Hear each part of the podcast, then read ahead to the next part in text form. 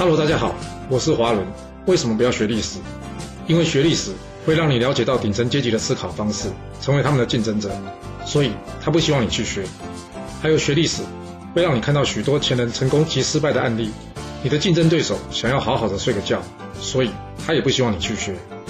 最重要的是，学历史会让你了解人性，你的老板以及同事都希望你保持天真的心，所以他们更不希望你去学。就是因为这些原因，接下来我要跟你说的是故事，而不是历史。今天主题是啊，找到关键点，让他说服自己啊。我们在之前春秋第一百零五集啊，以及刚刚春秋第一百零六集故事中讲到，这孔子的学生子贡啊，凭借他一张嘴啊，最后呢，将这齐国原先要大军攻打鲁国这件事啊，变成了什么？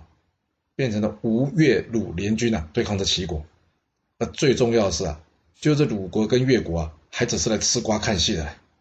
这我们就必须再提提《孙子兵法》中所提到的“上兵伐谋，其次伐交，其下攻城”了。因为这句话实在说的太好，也太正确了。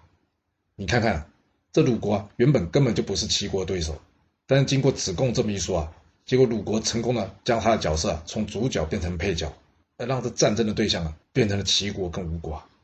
在这一场可以说是春秋末期经典的外交案例里面啊，这子贡到底是如何完成这一场艰巨的任务呢？那我们就来听听吧。首先呢，子贡前来说服这齐国田横啊，要他不要攻打鲁国。那田横会理他吗？一开始并没有啊。那为什么田横后来会接受子贡的建议呢？因为子贡清楚的掌握田横啊真正出兵的心理上的理由，也就是什么，这场战争啊会带给田横什么样的好处或者什么样的利益。所以这子贡啊，才会在一开始给出这么离谱的建议。所谓语不惊人死不休嘛。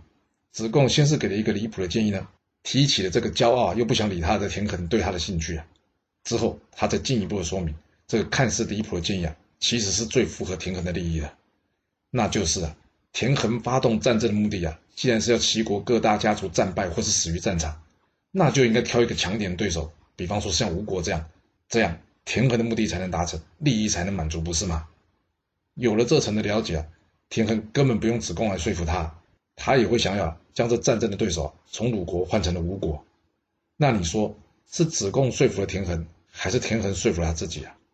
接着，子贡来到吴国，请吴国出兵，那他的理由是什么？公理、正义，都不是吧？在这故事里面，我们都没听到吧？所以这两个理由都不是啊。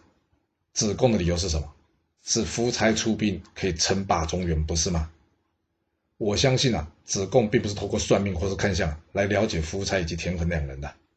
这要不是平常有下功夫啊，去了解各国的局势，了解各国掌权者的性格以及做法，是无法精准判断啊他们内心里面真正想要是什么。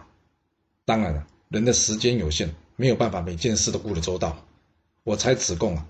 对于这个之前差点被灭掉这越国啊，他的情报收集就可能少了一点。不过呢，就在他遇到勾践，并听出勾践说出第一句话之后呢，他就猜到了这勾践是个城府很深的人。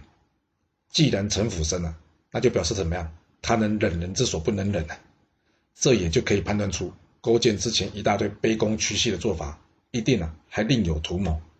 那勾践有什么图谋呢？很简单嘛，常理推断都可以知道。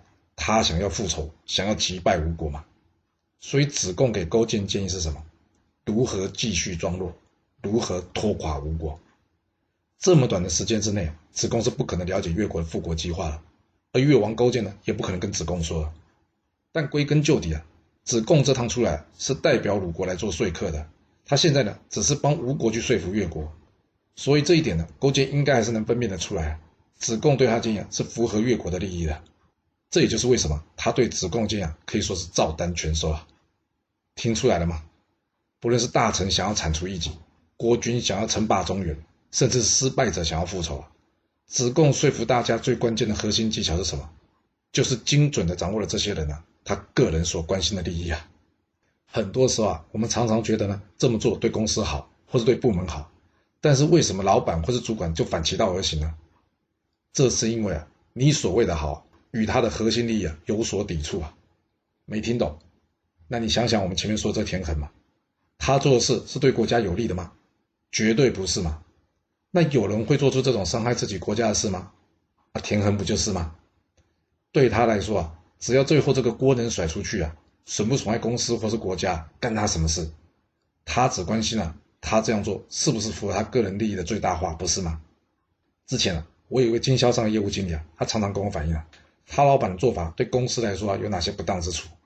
我给他的建议是啊，公司呢在法律上叫做法人啊，法人并不是真正的人啊。所谓对公司好，你得说明清楚啊，是对公司的哪一个人好？虽然我们通常会认为呢，老板就等于公司，但实际上老板并不完全等于公司啊。既然这样，那公司利益呢就不完全等于老板利益啊。你要面对的人是你的老板，所以啊，不要谈公司利益啊。公司利益就像是师出有名一样，它只是一种表面上冠冕堂皇或是合理的说法而已啊。所以跟老板谈话最重要重点呢，应该还是要放在老板个人利益的最大化。当然了，要是你想跟我抬杠说，那公司很小啊，老板利益就等于公司利益啊，那你说公司利益就对了。我这边会这样提出来，意思是要你分清楚啊，老板利益并不一定等于公司利益啊。要是你跟老板说公司利益，但是公司利益跟老板利益并不一致的时候，你觉得老板会买单呐？听不懂吗？好，再说直白一点公司赚的钱。全都归老板吗？公司有没有其他股东？老板娘抓公司财务抓的紧不紧？你以为公司活里真的全部归老板吗？好，就算是这样吧，那老板也是人呐，那老板的面子你要不要照顾到呢？当你指责他，让他觉得没面子，会不会影响他对其他人的管理？那你觉得这会不会损及老板的核心利益？虽然说这个利益啊不像金钱可以衡量，但一旦你损害他的利益啊，那你还希望他能接受你的观点吗？要记住啊，人大多会趋吉避凶啊，所以啊，能说服他的终究是他自己。你最多呢，也只能像子贡一样啊，提醒他如何计算以及分别吉凶，您说是吧？若是您有其他想法，也欢迎留言分享你的看法给大家哦。好啦，我们今天先说到这。如果你就是不听我的劝，想知道完整版的故事内容，你可以从说明栏找到我爱故事频道的连结。不过记住哦，你是来听故事的，而不是来学历史的。要是您喜欢这个频道，麻烦您动动您的手指，追踪、留言，或是给我五星评价的支持以及分享。谢谢您来收听，我们下次再见。